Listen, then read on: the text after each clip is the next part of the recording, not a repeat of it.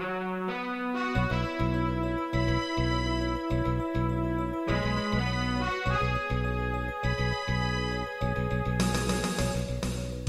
listening to Radio Free Asia. The following program is in Khmer.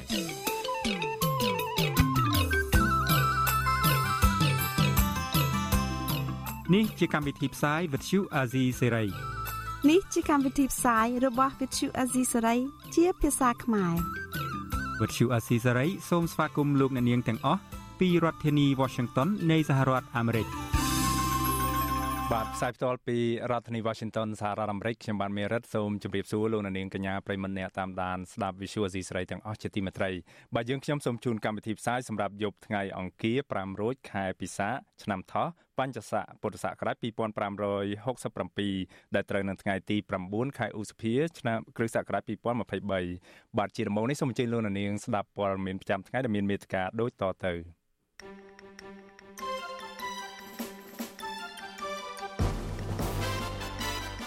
គោចបមិនអនុញ្ញាតឲ្យលោករងឈុនឈរឈ្មោះជាបេក្ខជនតំណាងរាស្ត្រនៅខេត្តកណ្ដាលលោកសំរងស៊ីស្នើសហគមន៍អន្តរជាតិកុំឲ្យទទួលស្គាល់លទ្ធផលបោះឆ្នោតនាពេលខាងមុខនេះសកម្មជនគណៈបណ្ឌនយោបាយដែលកំពុងជាប់ឃុំមួយចំនួនរក្សាជំហរមិនសមទោសលោកហ៊ុនសែនដើម្បីបដូរនឹងសេរីភាព។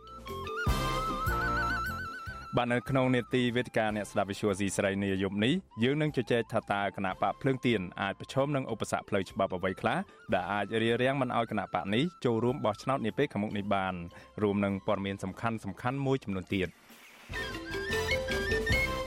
បាទជាបន្តទៅទៀតនេះខ្ញុំបាទមេរិតសូមជូនព័ត៌មានទាំងនេះពិស្ដាបាទលោកនាងកញ្ញាប្រិមម្នាក់ស្ដាប់ជាទីមេត្រីលោករងឈុនអនុប្រធានគណៈបកភ្លើងទៀនលើកឡើងថាគណៈករណីគណៈកម្មាធិការជាតិរៀបចំការបោះឆ្នោតហៅកាត់ថាកោចបមិនអនុញ្ញាតឲ្យលោកឈរឈ្មោះជាតំណាងរាគឺបង្ហាញថាកោចបធ្វើការគ្មានដំណាភាពនិងជារូបភាពគំរាមកំហែងដល់ស្មារតីសមាជិកគណៈគណៈបកភ្លើងទៀនផ្សេងទៀតមិនឲ្យចូលរួមបោះឆ្នោតជាតិនាពេលខាងមុខ រីឯមន្ត្រីអង្គការសង្គមស៊ីវិលវិញជំរុញឲ្យកោចបធ្វើការដោយឯករាជ្យដើម្បីរៀបចំការបោះឆ្នោតនាពេលខាងមុខនេះប្រកបដោយយុត្តិធម៌និងភាពត្រឹមត្រូវបាទលោកនាងនឹងបានស្ដាប់សេចក្តីរាយការណ៍ពិស្ដារនេះនាពេលបន្តិចទៀតនេះបាទ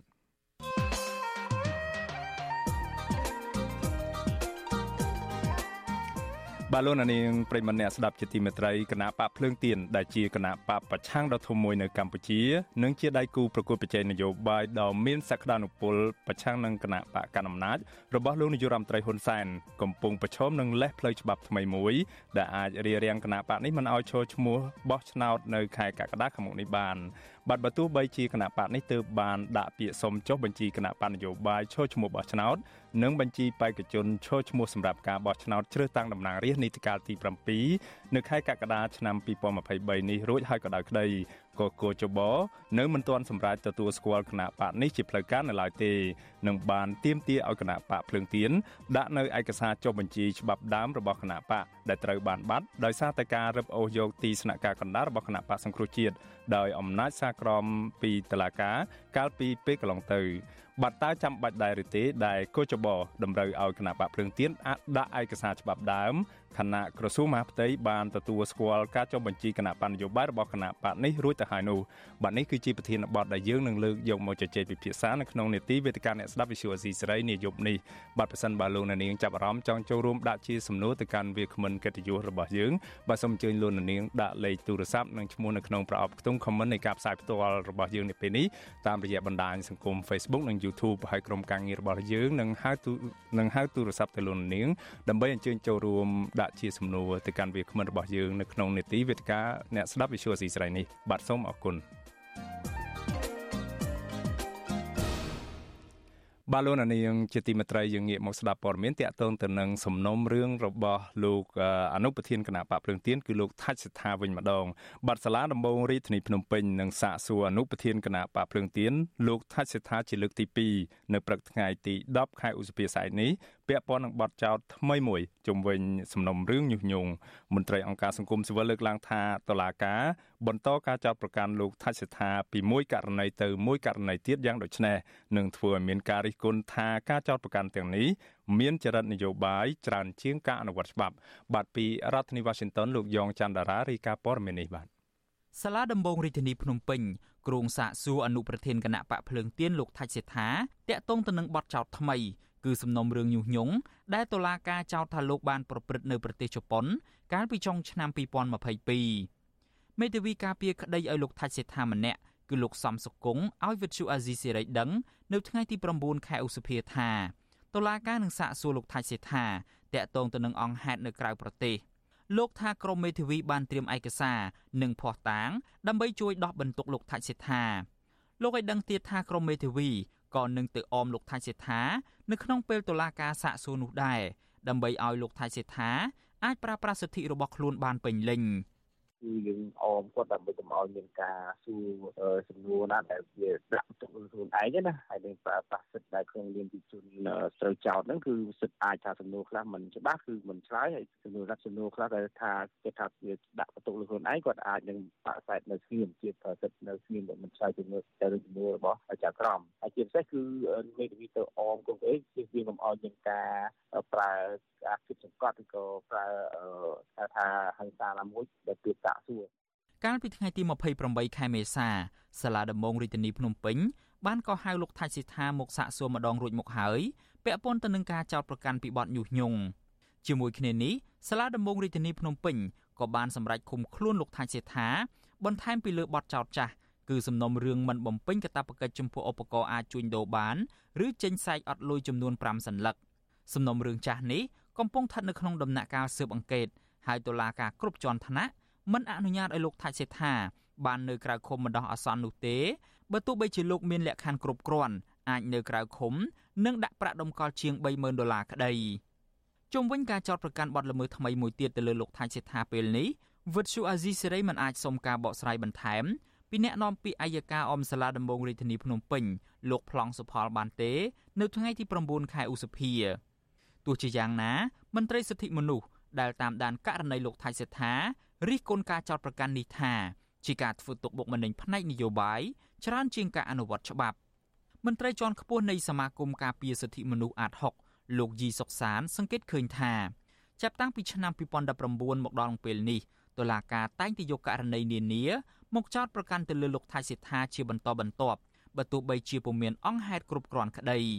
លោកបន្តទៀតថាការចោទប្រកាន់ទាំងនោះតាក់ទងទៅនឹងការបញ្ចេញមតិ និងសកម្មភាពនៃជីវិតឯកជនរបស់លោកថាច់សេថាមន្ត្រីសិទ្ធិមនុស្សរូបនេះយល់ថាបើត្រឹមជាវោហារសាស្ត្ររបស់អ្នកនយោបាយគួរកុំយកប្រព័ន្ធតុលាការមកចោទប្រកាន់អីពីព្រោះការចោទប្រកាន់ដែលគ្មានមូលដ្ឋានគ្រប់គ្រាន់បែបនេះនឹងធ្វើឲ្យមតិជាតិនិងអន្តរជាតិរិះគន់ថាប្រព័ន្ធតុលាការកម្ពុជាមិនឯករាជ្យ ធានគណៈបកឬក៏អនុប្រធានគណៈបកនយោបាយដែលគេធ្វើនយោបាយគេតែងតែរកកំហុសចំណុចអវិជ្ជមាននៃគ្នារវាងទៅមកទៅមកដើម្បីគេកែលម្អគ្នាប៉ុន្តែនៅពេលស្រុកយើងដូចជារឿងវោហារស័ព្ទរបស់អ្នកនយោបាយហ្នឹងហើយសូម្បីតែអ្នកនយោបាយមានអភ័យឯកសិទ្ធិក៏ក៏ចាត់វិធានការដែរតកតងទៅនឹងការចោទប្រកាន់ទៅលើលោកថាច់សេដ្ឋានេះដែរកាលពីចុងឆ្នាំ2020តុលាការក្រុងភ្នំពេញក៏ធ្លាប់ចោទប្រកាន់លោក និងសកម្មជនគណៈបកសង្គ្រោះជាតិជាង120នាក់ទៀតពីបទរួមគំនិតក្បត់និងបទញុះញង់ឲ្យមានភាពវឹកវរធ្ងន់ធ្ងរដល់សន្តិសុខសង្គមតាក់ទងទៅនឹងផែនការវិលចូលស្រុករបស់លោកសំរងស៊ីកាលពីឆ្នាំ2019ក៏ប៉ុន្តែក្រោយមកតុលាការបានទម្លាក់ចោលបទចោទនេះលើលោកថាច់សិដ្ឋាវិញលោកថាច់សិដ្ឋាគឺជាអ្នកនយោបាយមានដើមកំណត់ខ្មែរក្រមដ៏លេចធ្លោម្នាក់និងជាអ្នកជាប់ឃុំម្នាក់ នៅក្នុងចំណោមក្បាលម៉ាស៊ីនមួយចំនួនទៀតនៃគណៈបកភ្លើងទៀនដែលកំពុងជាប់ឃុំក្រៅពីនេះសកម្មជនមួយចំនួនរបស់គណៈបកភ្លើងទៀនអ្នកខ្លះជាប់ឃុំនិងអ្នកខ្លះត្រូវបានជន់មិនស្គាល់មុខលួចវាយធ្វើបាបឲ្យរងរបួសធ្ងន់ធ្ងរគណៈសមត្ថកិច្ចនៃរដ្ឋាភិបាលលោកហ៊ុនសែនមិនដែលរកមកជន់ប្រព្រឹត្តបានម្ដងណាឡើយខ្ញុំយ៉ងច័ន្ទដារាវិទ្យុអាស៊ីសេរី Washington កម្មវិធី Vithu Azizi ស្រីសម្រាប់ទូរស័ព្ទដៃអាចឲ្យលោកអ្នកនាង អានអត្ថបទទស្សនាវីដេអូនិងស្ដាប់ការផ្សាយផ្ទាល់ដោយឥតគិតថ្លៃនិងដោយគ្មានការរំខានដើម្បីអាននិងទស្សនាមេតិការថ្មីថ្មីពី Vithu Azizi ស្រីលោកអ្នកនាងគ្រាន់តែចុចបាល់កម្មវិធីរបស់ Vithu Azizi ស្រីដែលបានដំឡើងរួចរាល់លើទូរស័ព្ទដៃរបស់លោកអ្នកនាង ប្រសិនបើលោកអ្នកនាងចង់ស្ដាប់ការផ្សាយផ្ទាល់ឬការផ្សាយចាស់ចាស់សូមចុចលើប៊ូតុងរូបវិទ្យុដែលស្ថិតនៅផ្នែកខាងក្រោមនៃកម្មវិធីជាការស្រេច។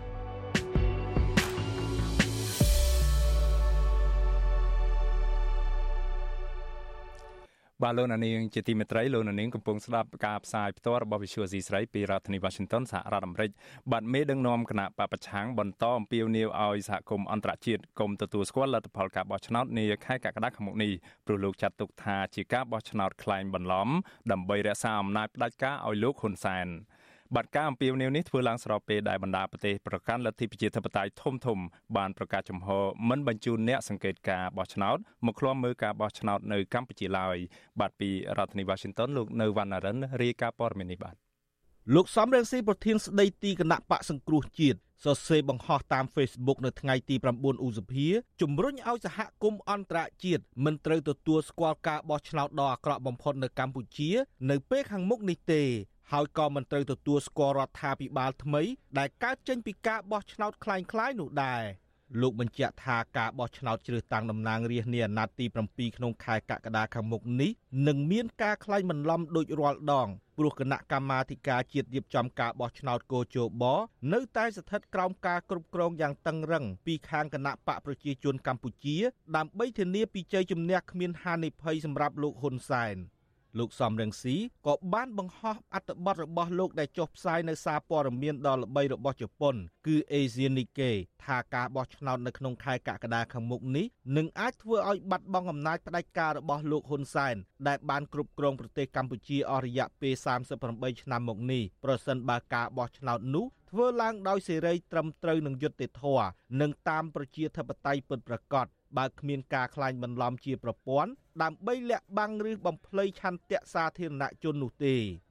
ក៏ប៉ុន្តែលោកបន្តថាចាប់តាំងពីឆ្នាំ1975មកកម្ពុជាបានរៀបចំការបោះឆ្នោតពិតប្រាកដដោយសេរីនិងត្រឹមត្រូវតែម្ដងគត់គឺនៅក្នុងឆ្នាំ1993ដែលការនោះរៀបចំឡើងដោយអង្គការសហប្រជាជាតិនិងបានធ្វើឲ្យគណៈបកប្រជាជនកម្ពុជារបស់លោកហ៊ុនសែនចាញ់ការបោះឆ្នោតយ៉ាងអាម៉ាស់ លោកបន្ថែមថាលោកហ៊ុនសែនបានធ្វើរដ្ឋប្រហារបង្ហូរឈាមដណ្ដើមអំណាចនៅឆ្នាំ1997និងបានបង្កើតគោជបថ្មីនៅឆ្នាំ1998ក្នុងការរៀបចំបោះឆ្នោតបែបคล้ายៗជាបន្តបន្ទាប់ជូនឲ្យលោកហ៊ុនសែនបន្តកាន់អំណាចរហូតមកដល់សប្តាហ៍នេះ។ លោកសំរងស៊ីក៏បន្ថែមថាស្ថាប័នកោជបបានប្រើល្បិចជួយខ្លាញ់បន្លំបញ្ជីឈ្មោះបោះឆ្នោតដើម្បីដកហូតសិទ្ធិបោះឆ្នោតពីពលរដ្ឋដែលសង្ស័យថាមិនមែនជាអ្នកគ្រប់គ្រងគណៈបកប្រជាជនកម្ពុជា ហើយធ្វើជាឈ្មោះខ្មោចដើម្បីបោះឆ្នោតឲ្យគណៈបកប្រជាជនកម្ពុជា ជាក់ស្ដែងភាពមិនប្រក្រតីនេះត្រូវបានរកឃើញនៅក្នុងការបោះឆ្នោតនៅឆ្នាំ2013ដោយវិជាស្ថានជាតិប្រជាធិបតេយ្យ NDI អ្នកមានឈ្មោះបោះឆ្នោតពិតប្រាកដ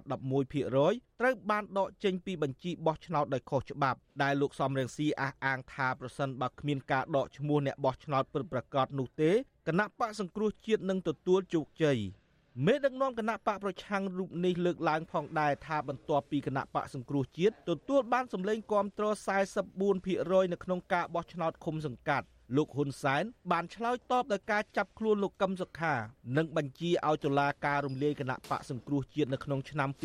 2017ហើយរៀបចំបោះឆ្នោតប្រមូលយកអាសនៈទាំងអស់នៅក្នុងការបោះឆ្នោតជ្រើសតាំងតំណាងរាស្ត្រនៅក្នុងឆ្នាំ2018 ឆ្លើយតបនឹងបញ្ហានេះអ្នកនាំពាក្យគណៈកម្មាធិការជាតិរៀបចំការបោះឆ្នោតលោកហងពុធាចាត់ទុកការអំពាវនាវរបស់លោកសំរងស៊ីទៅកាន់សហគមន៍អន្តរជាតិជាចេតនាចង់បំពុលបរិយាកាសធ្វើឲ្យរាំងស្ទះដល់ដំណើរការបោះឆ្នោតលោកបន្តថាការបោះឆ្នោតត្រឹមត្រូវឬមិនត្រឹមត្រូវគឺអាស្រ័យទៅលើចំនួនពលរដ្ឋចេញទៅបោះឆ្នោតមិនមែនតតែមានអ្នកសង្កេតការអន្តរជាតិនោះទេ បងប្អូនប្រជាពលរដ្ឋខ្មែរនៅទីទាំងប្រទេសយ៉ាងហោចណាស់ក៏80%ជាងបានចេញទៅបោះឆ្នោតហើយបានប្រទេសជាច្រើនលើកលុបនោះគឺជាអ្វីដែលមតិអន្តរជាតិព្រមទាំងប្រជាពលរដ្ឋខ្មែរវាតម្លៃថាភាសាដែលលោកសំរាស៊ីលើកឡើងគឺជាភាសាអត្តប្រយោជន៍និងអបានការដែរ អ្នកនាំពាក្យរូបនេះបន្តថាគោជប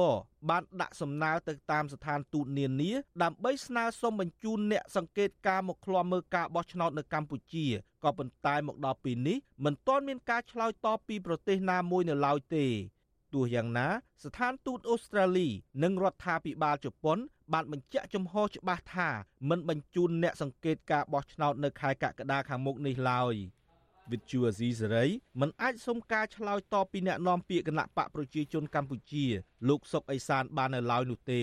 ចំណែកអ្នកនាំពាក្យគណៈបកភ្លើងទៀនលោកកឹមសួភិរិទ្ធលើកឡើងថាការថ្លែងរបស់លោកសំរងស៊ីគឺជាយោបល់ផ្ទាល់ខ្លួនរបស់លោកនិងមិនពាក់ព័ន្ធនឹងគណៈបកភ្លើងទៀននោះឡើយ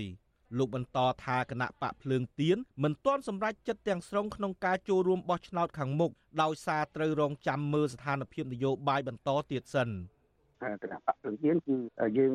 នៅតែរៀបចំខ្លួនណាធ្វើសកម្មភាពពង្រឹងរចនាសម្ព័ន្ធបញ្ជូនសារនយោបាយរបស់គណៈបកទៅដល់អ្នកបោះឆ្នោតដើម្បីគៀងគរធ្វើយ៉ាងម៉េចឲ្យនៅពេលបោះឆ្នោតខាងមុននោះគាត់ផ្ដល់ការទុកចិត្តជូនគណៈបកព្រឹងទៀនដើម្បីយើងអាចឆ្លើយជាគណៈបកដ៏សំខាន់ក្នុងការដឹកនាំប្រទេស ពាក់ព័ន្ធនឹងបញ្ហានេះអ្នកសម្របសម្រួលផ្នែកអង្គការរបស់អង្គការឃ្លាំមើលការបោះឆ្នោតហៅកាត់ថា Confrel លោកកនសវាង លើកឡើងថាគ្មាននរណាម្នាក់អាចបង្ខំសហគមន៍អន្តរជាតិកុំឲ្យបញ្ជូនអ្នកសង្កេតការបោះឆ្នោតមកកម្ពុជា ក្រៅពីស្ថានទូតនៃបណ្ដាប្រទេសទាំងនោះទេ ណាព្រោះនៅក្នុងដំណើរការនៃការចូលរួមគឺមិនមែនចិត្តបញ្ជូនអ្នកសង្កេតការរបស់គេមកទេគឺមានកិច្ចការងារទូតគេនៅក្នុងប្រទេសដែរគេនឹងធ្វើកិច្ចការងារហ្នឹងថាតើគេគួរតែបញ្ជូនឬមិនបញ្ជូនអញ្ចឹងវាជារឿងការសម្រេចរបស់សម័យស្ថាប័ននៃសហគមន៍អន្តរជាតិទាំងទេ ទោះជាយ៉ាងណាក៏ដោយលោកសំរងស៊ីថ្លែងថាការបោះឆ្នោតនៅថ្ងៃទី23ខែកក្កដាខាងមុខនេះនឹងធ្វើឡើងតាមបន្ទាត់ដដែលព្រោះគណៈបកភ្លើងទៀនដែលទទួលបានសម្លេងឆ្នោត22%នៅក្នុងការបោះឆ្នោតឃុំសង្កាត់កាលពីឆ្នាំ2022បានជួបឧបសគ្គនៅក្នុងការចុះបញ្ជីបោះឆ្នោត និងបានប្រឈមការយាយីយ៉ាងធ្ងន់ធ្ងរលោកបញ្ជាក់ថាអ្នកសង្កេតការអន្តរជាតិដែលមានបំណងចង់តាមដានការបោះឆ្នោតនាពេលខាងមុខ នឹងមិនអាចជួយអ្វីបាននោះទេ ក្រៅពីការផ្ដល់ភាពស្របច្បាប់ទៅដល់ការបោះឆ្នោតដែលបំភ្លៃឆន្ទៈដ៏ពេញនិយមបំផុត និងអាក្រក់បំផុតរបស់លោកហ៊ុនសែនខ្ញុំបាទនៅវណ្ណរិន With Chu Azizi Saray ពីរដ្ឋធានី Washington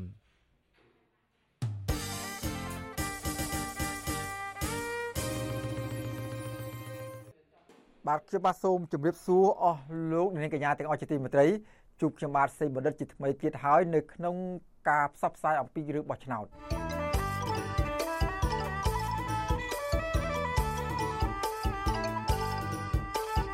ការពុតទៅប្រជាពលរដ្ឋខ្មែរទូទៅ ជាពិសេសអ្នកដែលមានអាយុចាប់ពី18ឆ្នាំឡើងទៅ មានឱកាសទៅបោះឆ្នោតដើម្បីជ្រើសរើសមេដឹកនាំបានដូចដូចគ្នា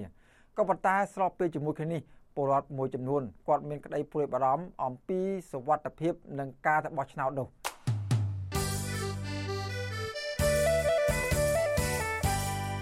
ក្តីបារម្ភនោះគឺពួកគាត់មើលឃើញស្ថានភាពនយោបាយនៅពេលបច្ចុប្បន្ននេះ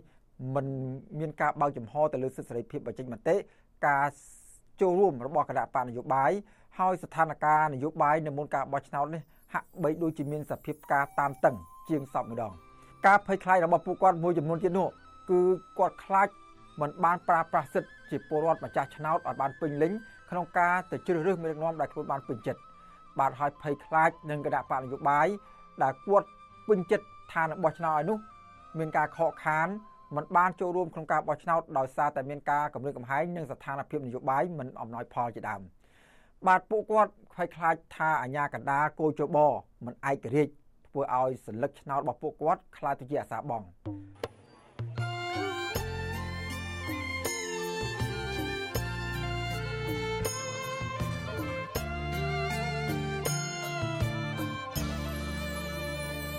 បាទការភ័យខ្លាចរបស់ម្ចាស់ឆ្នោតមួយទៀតនោះគឺពួកគាត់បារម្ភខ្លាចគណៈបកនយោបាយដែលគាត់បោះឆ្នោតហើយមានសម្លេងគាំទ្រច្រើន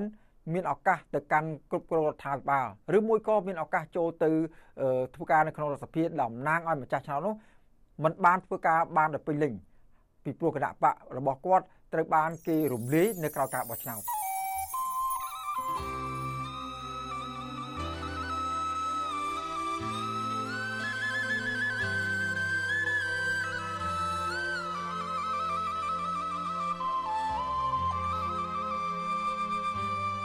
នៅមានការព្រួយបារម្ភជាច្រើនទៀតរបស់ម្ចាស់ឆ្នោតនៅពេលបោះឆ្នោតនៅពេលខាងមុខនេះតើការព្រួយបារម្ភរបស់ពួកគាត់ទាំងនោះត្រូវបានដោះស្រាយដោយរបៀបណា បាទយើងនឹងតាមដានមើលទាំងអស់គ្នានៅក្នុងឱកាសបោះឆ្នោតដែលនឹងខិតជិតចូលមកដល់នាពេលខាងមុខនេះខ្ញុំបាទសូមអរគុណនិងសូមជម្រាបលា បាទលោកនាងជាទីមេត្រីយើងបន្តតាមដានព័ត៌មានទាក់ទងនឹងការបោះឆ្នោតនេះទៀតបាទមុនពេលជិតបោះឆ្នោតមកដល់សកម្មជននានានៅក្នុងក្នុងនោះរួមមានសកម្មជនគណៈបញ្ញយោបាយមួយចំនួនបាននាំគ្នាចេញវីដេអូសំទោសទៅកាន់លោកហ៊ុនសែនដើម្បីបានសេរីភាពហើយពួកគេក៏ត្រូវបានតែងតាំងជាមន្ត្រីនៅក្នុងស្ថាប័នរដ្ឋផ្សេងផ្សេងទៀតផង បាទតែទោះជាយ៉ាងណាក្តីសកម្មជនមួយចំនួនទៀតអះអាងថាពួកគេមិនអាចបដូរឧត្តមគតិជាមួយនឹងសេរីភាពនោះទេបាទលោកនាងនឹងបានស្ដាប់សេចក្តីរាយការណ៍នេះពិស្ដានៅព្រឹកស្អែក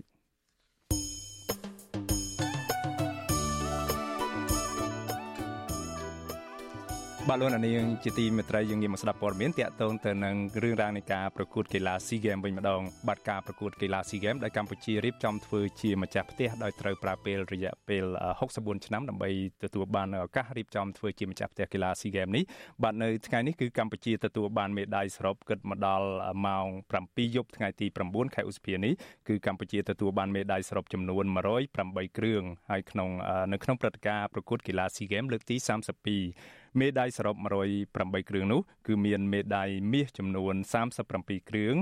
36គ្រឿងទៀតជាមេដាយប្រាក់និង35គ្រឿងជាមេដាយសំរឹទ្ធបាត់កម្ពុជាឈរនៅចំណាត់ថ្នាក់លេខ1ជាបណ្ដោះអាសន្នខាងទទួលបានមេដាយមាសច្រើនជាងគេបង្អស់គឺគណៈប្រទេសវៀតណាមឈរនៅចំណាត់ថ្នាក់លេខ2ដែលមានមេដាយមាសសរុបចំនួន36គ្រឿងហើយចំណាត់ថ្នាក់លេខ3គឺប្រទេសថៃដែលទទួលបានមេដាយមាសចំនួន34គ្រឿង បាទការប្រកួតនៅថ្ងៃដដែលនេះគឺដើម្បីដណ្ដើមមេដាយមាសសរុបចំនួន42គ្រឿងលើវិញ្ញាសាកីឡាគុនខ្មែរកីឡាបាល់ទះកីឡាបាល់ទាត់និងកីឡាមួយចំនួនទៀតបាទនេះគឺជាមោទនភាពថ្មីមួយដែលកម្ពុជាបំបីឯកតកម្មក្នុងការទទួលបានមេដាយច្រើនជាងគេគឺមេដាយមាសរហូតដល់ទៅ37គ្រឿងជាបណ្ដោះអាសន្ននៅពេលនេះខណៈការប្រកួតមិនទាន់ចប់នៅឡើយគឺកីឡា SEA Games លើកទី32នេះនឹងបញ្ចប់ទៅនៅថ្ងៃទី17ខែឧសភានេះបាទ សូមលោកនាងបន្តរងចាំតាមដាន នៅព័ត៌មានទាក់ទងនឹងការទទួលបានមេដាយមាសរបស់កម្ពុជានិងមេដាយផ្សេងៗទៀតពីការប្រកួតនេះនៅថ្ងៃស្អែកបន្តទៀតបាទសូមអរគុណ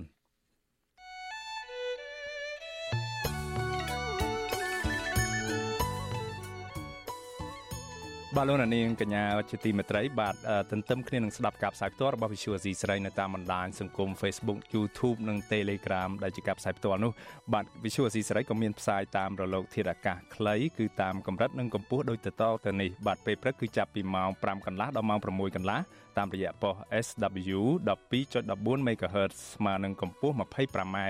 និងប៉ុស SW 13.71 MHz ស្មើនឹងកម្ពស់ 22m ពេលយប់ចាប់ពីម៉ោង7កន្លះដល់ម៉ោង8កន្លះតាមរយៈប៉ុស SW 9.33 MHz ស្មើនឹងកម្ពស់ 32m ប៉ុស SW 11.88 MHz ស្មើនឹងកម្ពស់ 25m និងប៉ុស SW 12.14 MHz ស្មើនឹងកម្ពស់ 25m បាទសូមអរគុណបាទលោកនាងប្រិមត្តអ្នកស្ដាប់ជាទីមេត្រីយើងងាកមកស្ដាប់ព័ត៌មានដាច់ដោយឡែកមួយទៀតតាក់ទងនឹងករណីពលរដ្ឋខ្មែរកាណាដា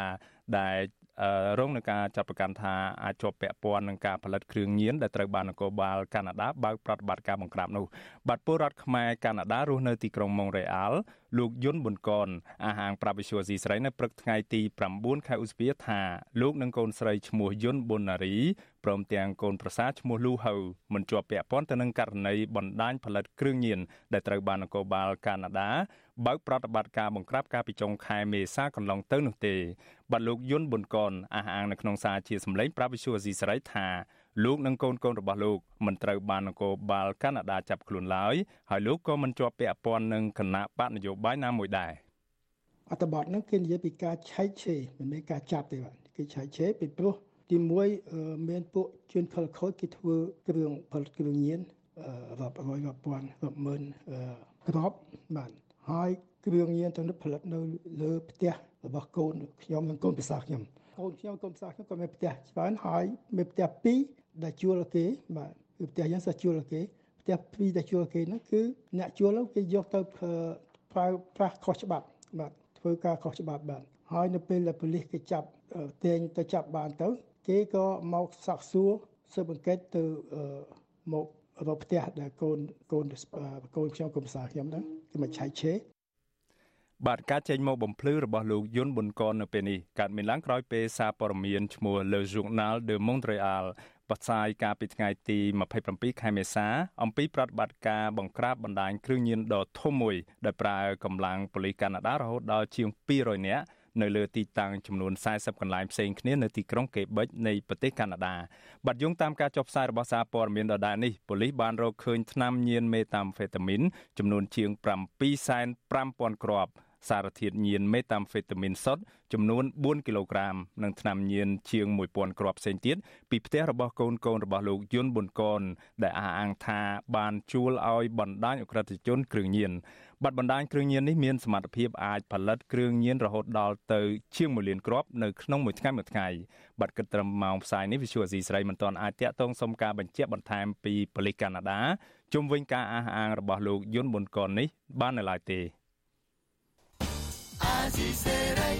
បាទលោកនាងកញ្ញាប្រិមម្នាក់ស្ដាប់ជាទីមេត្រីយើងងាកមកស្ដាប់ព័ត៌មានក្តៅប្រចាំថ្ងៃនេះវិញជុំវិញករណីដែលគោចបនៅតែមិនអនុញ្ញាតឲ្យលោករងឈុនអាចចូលឈ្មោះបោះឆ្នោតជាបេក្ខជនចូលឈ្មោះបោះឆ្នោតនៅខេត្តកណ្ដាលបាននោះបាទលោករងឈុនអនុប្រធានគណៈបកភ្លើងទៀនលើកឡើងថាករណីគណៈកម្មាធិការជាតិរៀបចំការបោះឆ្នោតហៅកាត់ថាគោចប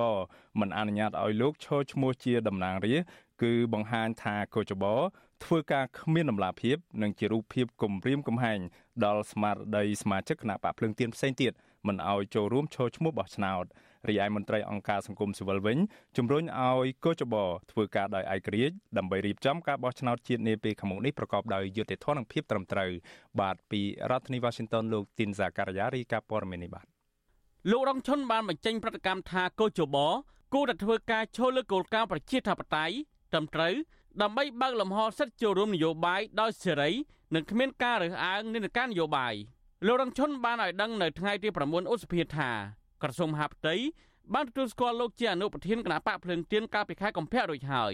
ដូច្នេះគោជបចេញលិខិតបដិសេធរកលោកមិនឲ្យចូលឈ្មោះជាបេក្ខជនតំណាងរាស្ត្រហាក់ប្រឆាចពីច្បាប់ស្តីពីការបោះឆ្នោតលោកបញ្ជាក់ថាគណៈបកភ្លើងទៀននឹងដាក់ឯកសារពាក់ព័ន្ធនានាដល់មន្ត្រីកោជប ទាមទារឲ្យដាក់បន្ថែមនោះគឺនៅថ្ងៃទី10ឧសភាស្អែក សូមឲ្យជនរួមជាតិមានអធិភាពរឹងមាំឡើងហើយក៏មកតក់ស្លុតហើយក៏មករៀបថយទោះបីឃើញឧបសគ្គបន្តិចបន្តួចឃើញគេបដិសេធមិនឲ្យខ្ញុំមកឈរឈ្មោះជាគេថាតំណាងរាជក្នុងការប្រកួតប្រជែងនៅខាងមុខនេះក៏ដោយយើងត្រូវចូលរួមទាំងអស់គ្នាឲ្យខ្លាំងក្លាដើម្បីផលប្រយោជន៍ខ្លួនយើងក៏ដូចជាផលប្រយោជន៍ជាតិជាពិសេសយើងចង់បានសង្គមមួយមានប្រជាធិបតេយ្យពិតប្រាកដអញ្ចឹងត្រូវចូលរួមបានសកម្មទាំងអស់គ្នាបាទការបញ្ចេញប្រតិកម្មរបស់លោករងឈុនបែបនេះធ្វើឡើងគឺបន្ទាប់ពីអគ្គលេខាធិការកោជបលោកទេពនិថាចេញលិខិតជូនដំណឹងដល់គណៈបកភ្លើងទៀននៅថ្ងៃទី19ឧសភាថាការស្នើសុំចុះបញ្ជីបេក្ខជនតំណាងរាស្ត្ររបស់គណៈបកភ្លើងទៀន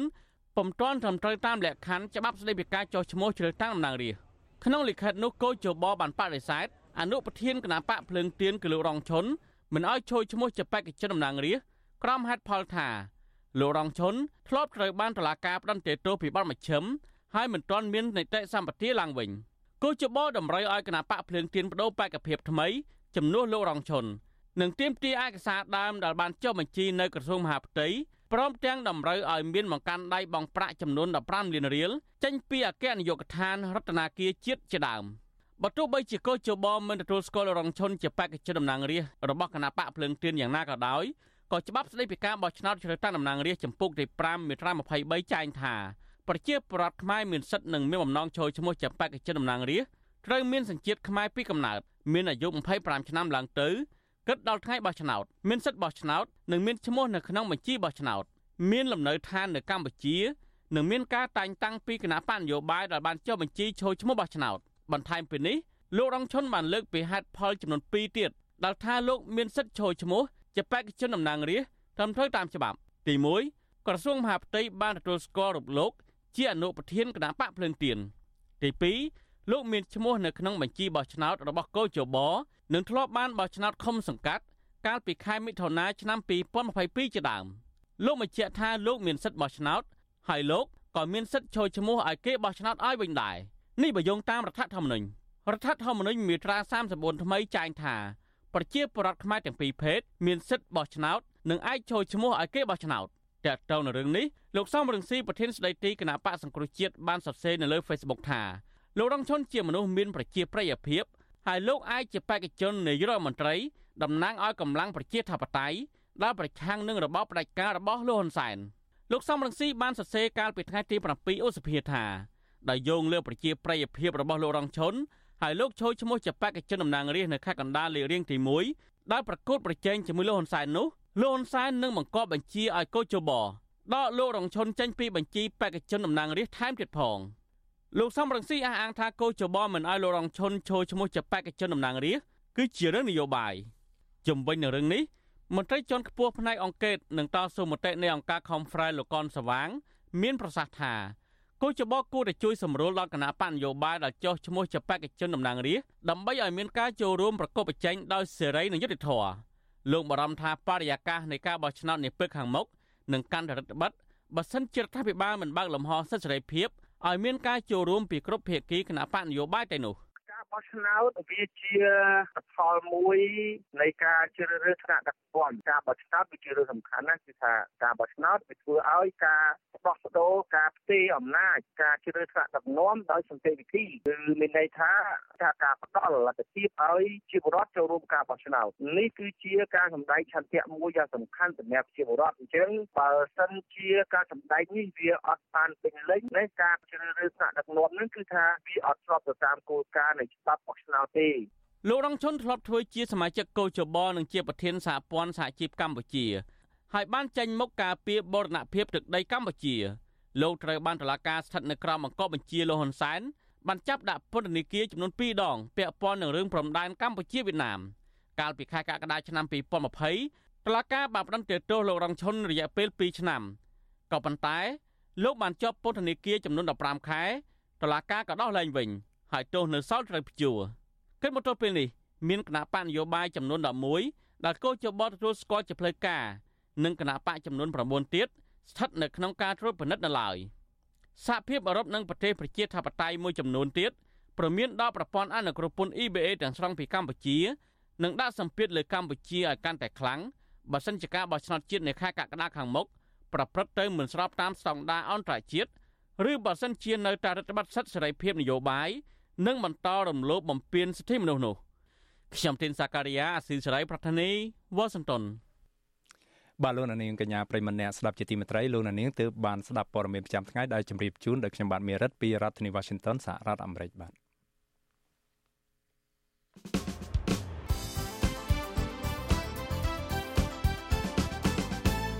បាទជាបន្តទៅទៀតនេះគឺជានេតិវេទិកាអ្នកស្ដាប់ Visual Azizi Serai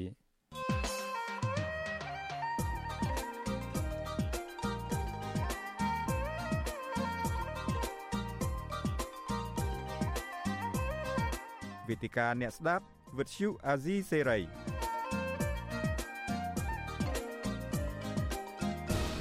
បាទជាថ្មីម្ដងទៀតខ្ញុំបាទមេរិតសូមជម្រាបសួរលោកនាងកញ្ញាប្រិមមអ្នកតាមដានស្ដាប់ Visual C ស្រីតាមបណ្ដាញសង្គម Facebook និង YouTube និងនៅតាមរលកធាតុអាកាសខ្លី Shortwave បាទនេះគឺជានេតិវេទិកាអ្នកស្ដាប់ Visual C ស្រីហើយនៅក្នុងនេតិវេទិកាអ្នកស្ដាប់ Visual C ស្រីនេះយប់នេះគឺយើងនឹងផ្ដោតលើប្រធានបទសំខាន់មួយដែលថាតើចាំបាច់ដែរឬទេដែលកោចប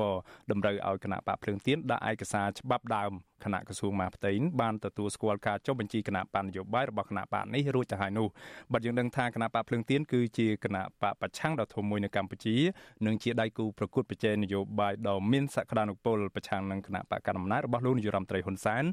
ហើយកំពុងប្រឈមនឹងលេសថ្មីតាមផ្លូវច្បាប់ថ្មីមួយដែលអាចរារាំងគណៈបកនេះមិនអាចឲ្យចូលរួមចូលឈ្មោះបោះឆ្នោតជាតិនៅខែកក្កដាខាងមុខនេះបានបាទបើទោះបីជាគណៈបកនេះទើបបានដាក់ពាក្យសុំចុះបញ្ជីគណៈបកនយោបាយឈរឈ្មោះបោះឆ្នោតនិងបញ្ជីបេក្ខជនឈរឈ្មោះបោះឆ្នោតសម្រាប់ការបោះឆ្នោតជ្រើសតាំងតំណាងរាស្ត្រនីតិកាលទី7ឆ្នាំ2023 រួចហើយក៏ដោយក្តីក៏កោជបនៅតែមិនទាន់សម្រេចទទួលស្គាល់គណៈបកនេះជាផ្លូវការឡើយទេនឹងបានទៀមទីឲ្យគណៈបកនេះដាក់នៅឯកសារចុះបញ្ជីច្បាប់ដើមរបស់គណៈបកដែលត្រូវបានបាត់ដោយសារតែការរឹបអូសយកទីស្នាក់ការកណ្ដាលរបស់គណៈបកសង្គ្រោះជាតិដោយអំណាចសាលដីកាតឡាការកម្ពុជាកាលពីពេលកន្លងទៅនោះបាទវាគ្មិនកិត្តិយសរបស់យើងពីររូបដែលនឹងចូលរួមនៅក្នុងនេតិវេទិកាអ្នកស្ដាប់វិសុវអស៊ីស្រីនៅពេលនេះគឺយើងមានទី1គឺលោកកឹមស៊ូលោកគឹមស៊ូភិរិទ្ធដែលលោកជាអ្នកនាំពាក្យគណៈបកភ្លើងទៀនលោកចូលរួមជាមួយយើងតាមខ្សែទូរស័ព្ទបាទសូមជំរាបសួរលោកគឹមស៊ូភិរិទ្ធពីចម្ងាយបាទបាទសូមជំរាបសួរលោកបាទអរគុណលោកដែលបានចូលរួមជាមួយកម្មវិធី Visual C ស្រីនៅពេលនេះហើយវាគ្មិនមួយរូបទៀតគឺលោកកនស្វាងលោកគឺជាមន្ត្រីសម្របសម្រួលផ្នែកអង្គការនិងតស៊ូមតិនៃអង្គការឃ្លាំមើលការបោះឆ្នោតគឺអង្គការ Confrel បាទខ្ញុំឃើញលោកកនស្វាងហើយបាទជំរាបសួរលោកកនស្វាងពីចម្ងាយបាទ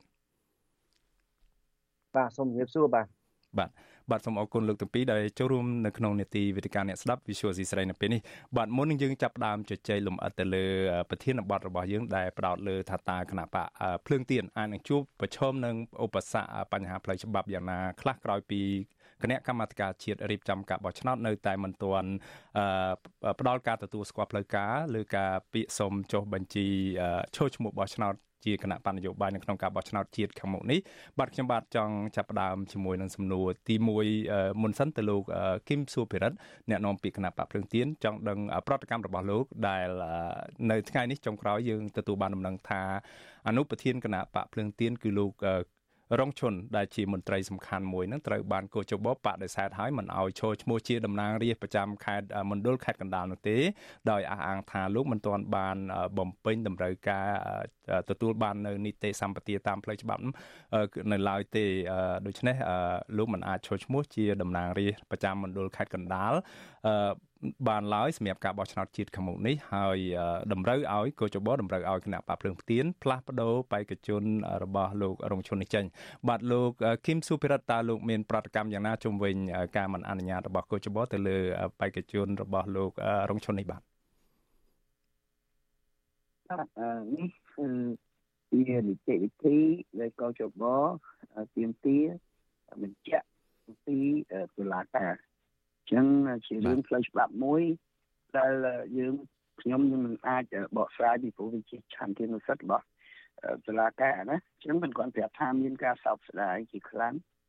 ចំពោះលោកគ្រូលងឈុនដែលត្រូវបានគេមិនអនុញ្ញាតឲ្យលោកឈរឈ្មោះធ្វើជាបេក្ខជនប្រកួតប្រជែងនៅក្នុងការបោះឆ្នោតនាពេលខាងមុខនេះហើយក្នុងហេតុផលមួយដែលថា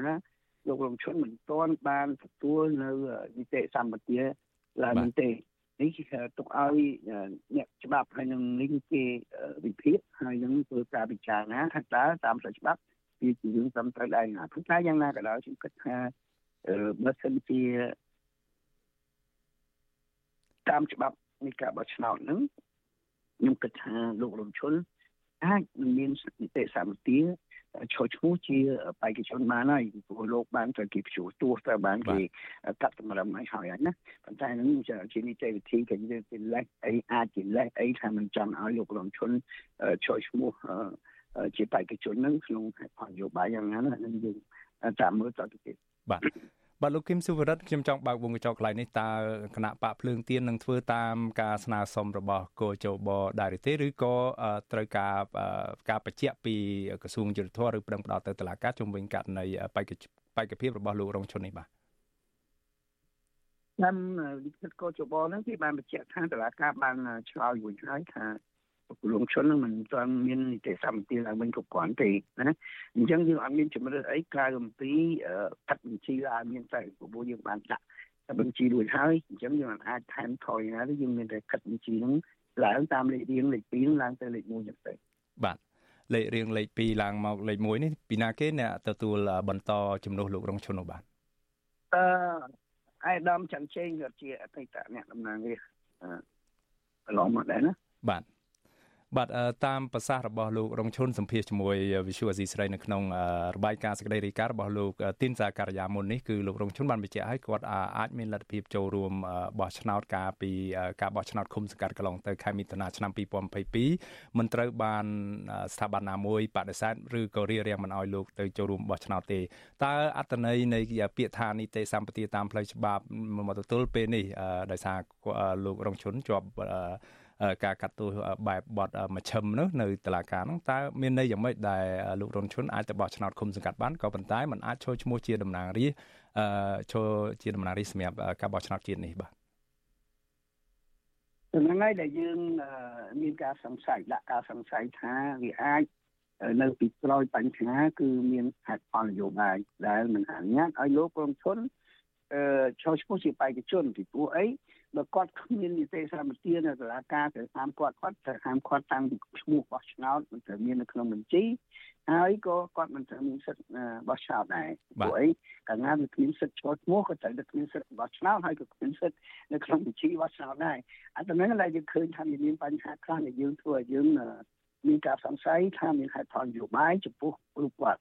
បាទ បាទអរគុណលោកគឹមសុភិរិទ្ធដែលបានពន្យល់បន្ថែមជុំវិញករណីលោករងឈុនដែលត្រូវកោជបមិនអនុញ្ញាតឲ្យលោកចូលឈ្មោះជាតំណាងរាស្ត្រប្រចាំខេត្តកណ្ដាលបានសម្រាប់ការបោះឆ្នោតជាតិខាងមុខនេះបាទខ្ញុំសូមងាកទៅលោកកនសវាងវិញម្ដងលោកដែលជាអ្នកជំនាញខាងកិច្ចការបោះឆ្នោតខ្លមមើលការបោះឆ្នោតជាច្រើនឆ្នាំមកហើយនោះលោកកនសវាងយល់ឃើញយ៉ាងណាដែរជុំវិញរឿងរ៉ាវចុងក្រោយដែលកោជបមិនអនុញ្ញាតឲ្យលោករងឈុនចូលឈ្មោះជាតំណាងរាស្ត្រនេះតើថាតើ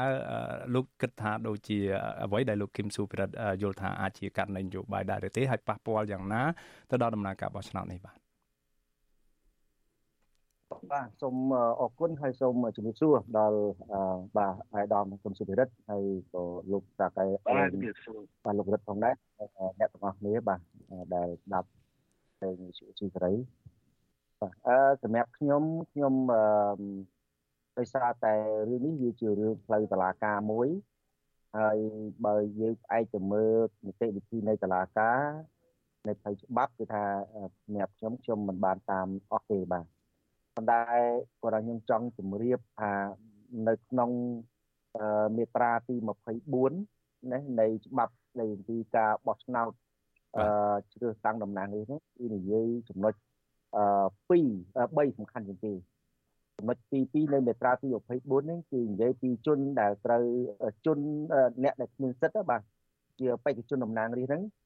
គឺនិយាយអំពីទី1គឺជនដែលត្រូវបានតឡាការបានទីទោសដាក់ពន្ធនាគារពីបទអក្រិតបទលិឆំឬក៏មិនទាន់មាននីតិសម្បទាឡើងវិញទី2ទី3គឺថា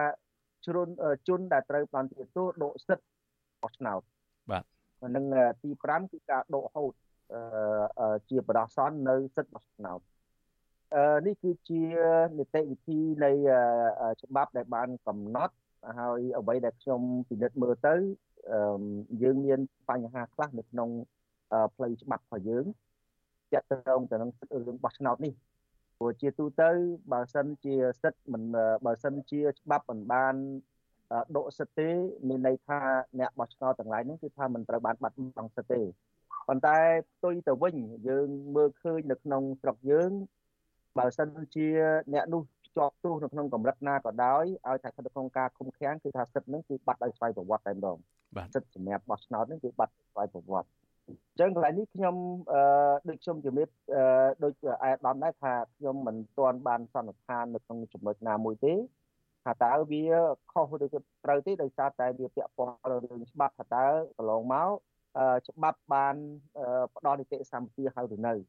ពីព្រោះបើតាមខ្ញុំចាំនៅក្នុង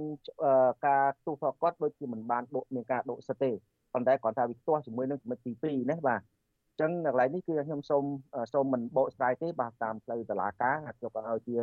ឆន្ទទីរសិទ្ធិរបស់តឡាការដែលលោកជាអ្នកបកស្រាយ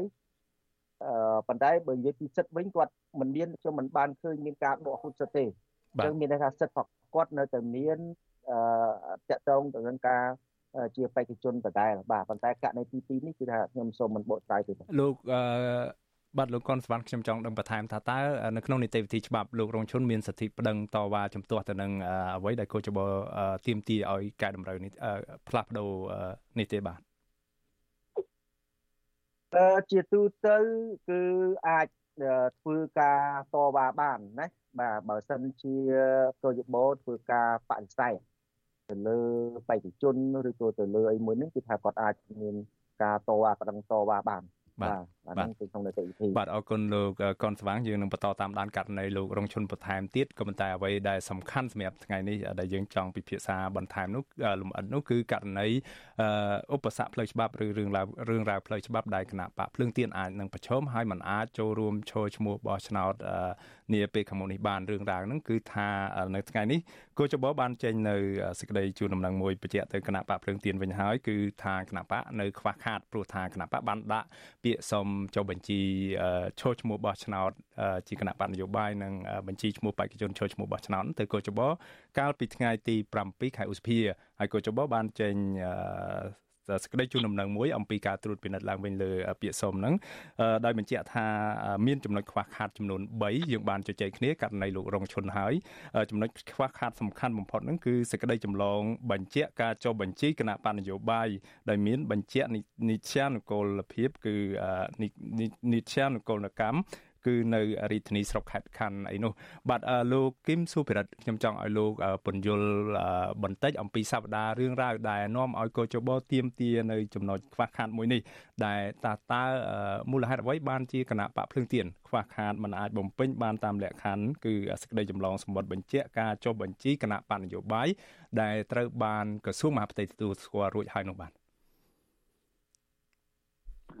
អរគុណលោកខ្ញុំចង់ជម្រាប គឺបងប្អូនជនជាតិបានជាថាអ្វីដែលតូចបត្រូវការកន្លងមកនោះគឺគេចង់បានប្រកាសលេខ193ដែលថ្ងៃទី23តែ3ឆ្នាំ1998ស្ដីពីការចុះបញ្ជី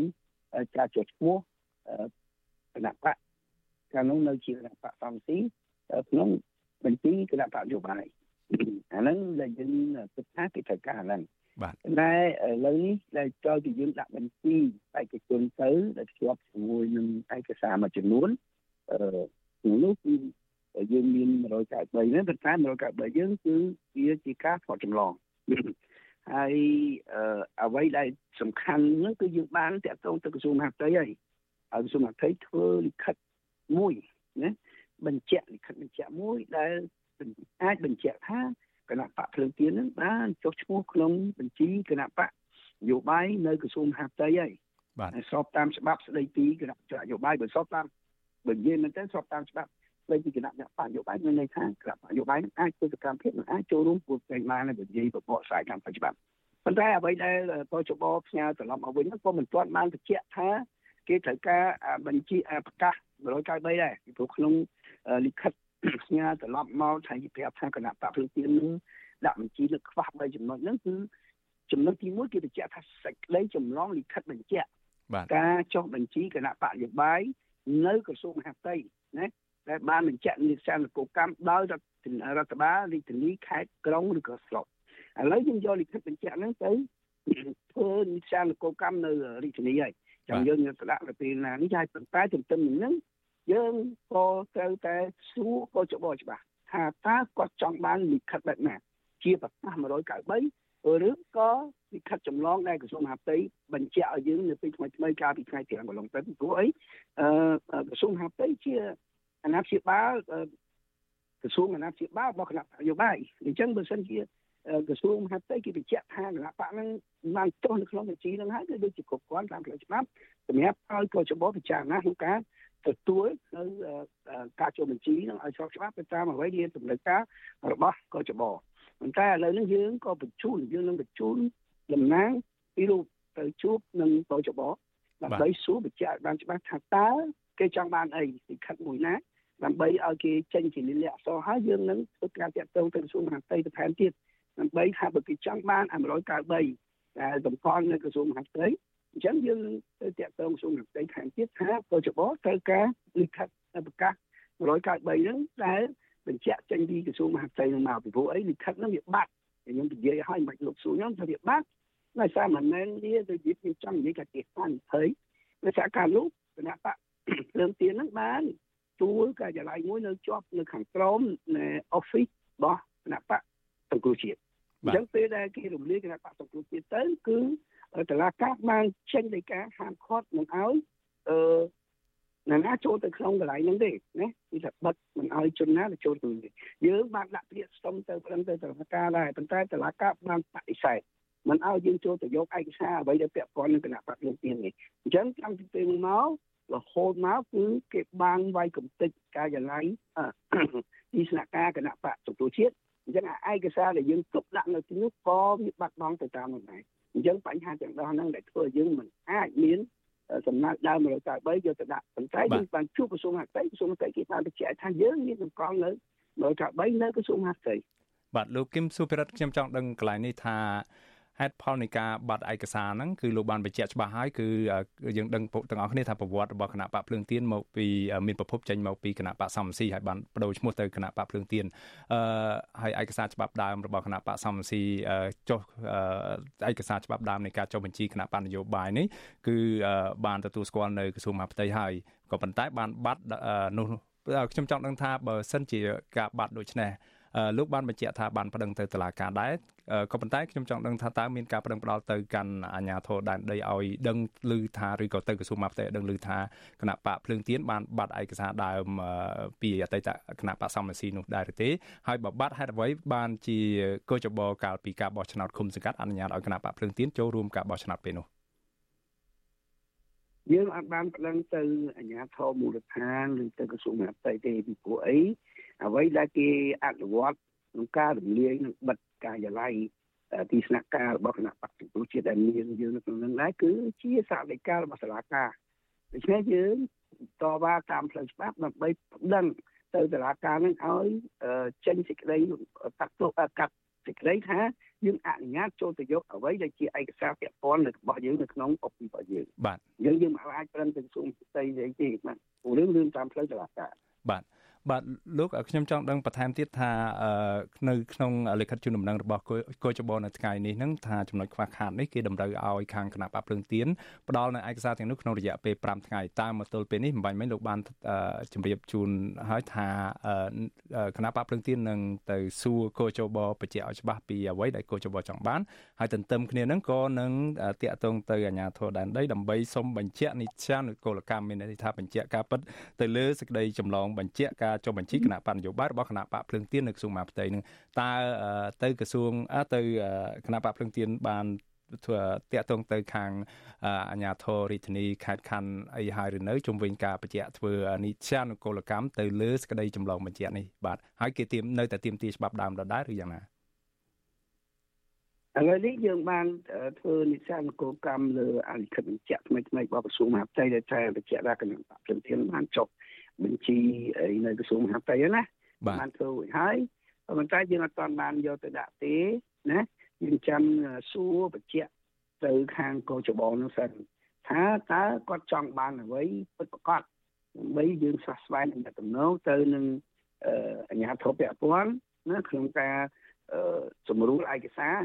ដាក់នៅពេលទៅផ្ញើទៅកោចបនៅឡើងវិញ អញ្ចឹងជាខ្លីមកគឺគណៈបកភ្លឹងទៀនទទួលបានលិខិតបញ្ជាភាពត្រឹមត្រូវតាមច្បាប់ដើមគឺសេចក្តីចម្លងបញ្ជាការចុះបញ្ជីគណៈបកនយោបាយពីអាជ្ញាធរដែនដីហើយមាននៅក្នុងដៃហើយបាទបាទបាទអរគុណលោកគឹមសុភិរិទ្ធបាទលោកនាងប្រិមម្នាក់ស្ដាប់ជាទីមេត្រីនៅពេលនេះយើងកំពុងពិភាក្សានៅលើប្រធានបទមួយនៅក្នុងនេតិវេទិកាអ្នកស្ដាប់វិទ្យុអស៊ីសេរីដែលផ្ដោតលើថាតើគណៈបកភ្លឹងទៀនអាចនឹងប្រឈមនៅបញ្ហា ក្តីក្តាមផ្លូវច្បាប់ដែលមិនអាចដែលអាចរារាំងគណៈបកនេះមិនឲ្យចូលរួមការឈរឈ្មោះបោះឆ្នោតជាតិនៅខែកក្កដាខាងមុខនេះបានដែរឬទេហើយស្របពេលដែលកោចបកំពុងទៀមទានៅចំណុចខ្វះខាតមួយចំនួនជាពិសេសផ្ដោតលើសេចក្តីចម្លងបញ្ជាក់ច្បាប់ដើមលើការចុះបញ្ជីគណៈបកនយោបាយរបស់គណៈបកភ្លើងទៀនដែលមានប្រភពចេញពីគណៈបកសំរាសីនោះបើប្រសិនបើលោកនាងចាប់អារម្មណ៍ចង់ចូលរួមដាក់ជាសំណួរទៅកាន់វាគ្មិនកិត្តិយសរបស់យើងសូមអញ្ជើញលោកនាងដាក់លេខទូរស័ព្ទនិងឈ្មោះនៅក្នុងប្រអប់ Zoom comment នៃការផ្សាយផ្ទាល់នេះហើយក្រុមការងាររបស់យើងនឹងតាក់ទងទៅលោកនាងដើម្បីដាក់ជាសំណួរមកកាន់វាគ្មិនគឺយើងមានវាគ្មិនពីររូបគឺលោកគឹមសុភិរិទ្ធដែលលោកជាអ្នកនាំពាក្យគណៈបកភ្លើងទៀននិងលោកកនសវាងដែលលោកជាមន្ត្រីសម្របសម្រួលផ្នែកអង្គការនិងតស៊ូមតិនៃអង្គការ Confrel បាទខ្ញុំសូមងាកសំណួរទៅលោកកនសវាងវិញបាទលោកកនសវាងបានឃ្លាំមើលដំណើរការចុះបញ្ជីបោះឆ្នោតនេះលើកនេះលោកសង្កេតឃើញយ៉ាងម៉េចដែរបើប្រៀបធៀបជាមួយនឹងការចុះបញ្ជីបោះឆ្នោតឃុំសង្កាត់កន្លងទៅហ្នឹងគឺគណៈបកភ្លើងទៀនបានអាចចូលរួមបានពុំមានការចោទជាចំណុចខ្វះខាតអំពីការតម្រូវឲ្យមានសេចក្តីចម្លងបញ្ជាច្បាប់ដើមអីហ្នឹងលើការចុះបញ្ជីគណៈបកនយោបាយពីកោចបទេទើបតែនៅថ្ងៃទី5ខែមេសា គឺលោកទេពនិថាដែលគេជាអគ្គ លេខាធិការនៃកោចបហ្នឹងបានចេញនៅលិខិតតម្រូវមួយថាត្រូវតែជុំវិញការរៀបចំបែបបទសម្រាប់គណៈបណ្ឌនយោបាយដាក់បញ្ជីចូលឈ្មោះបោះឆ្នោតនិងបេក្ខជនចូលឈ្មោះបោះឆ្នោតហ្នឹងគឺគេតម្រូវឲ្យមានសេចក្តីចម្លងចេញពីច្បាប់ដើមហ្នឹងហើយបើមានបញ្ជាក់នីតិសាស្ត្រនគរកម្មមានន័យថាភាពត្រឹមត្រូវតាមច្បាប់ដើមហ្នឹងហើយធម្មតាទេកាលណាបញ្ជាក់ភាពត្រឹមត្រូវតាមច្បាប់ដើមគេត្រូវការច្បាប់ដើមនោះឯងពីអាជ្ញាធរដែនដីនោះបាទលោកកុនស្វាងយល់ឃើញនីតិវិធីនេះស្មុគស្មាញឬក៏យ៉ាងណាហើយបង្កជាផលប៉ះពាល់យ៉ាងណាខ្លះដល់សិទ្ធិនយោបាយសិទ្ធិក្នុងការចូលរួមបោះឆ្នោតនៅពេលខាងមុខនេះបាទបាទសូមអរគុណអឺមែនតើទៅនីតិវិធីមិនគួរឲ្យមានភាពស្មុគស្មាញដល់កម្រិតនឹងទេណាបាទយើងឃើញហើយនៅក្នុងបទបញ្ជានីតិវិធីក៏ដោយនៅក្នុងផ្លូវច្បាប់ក៏ដោយ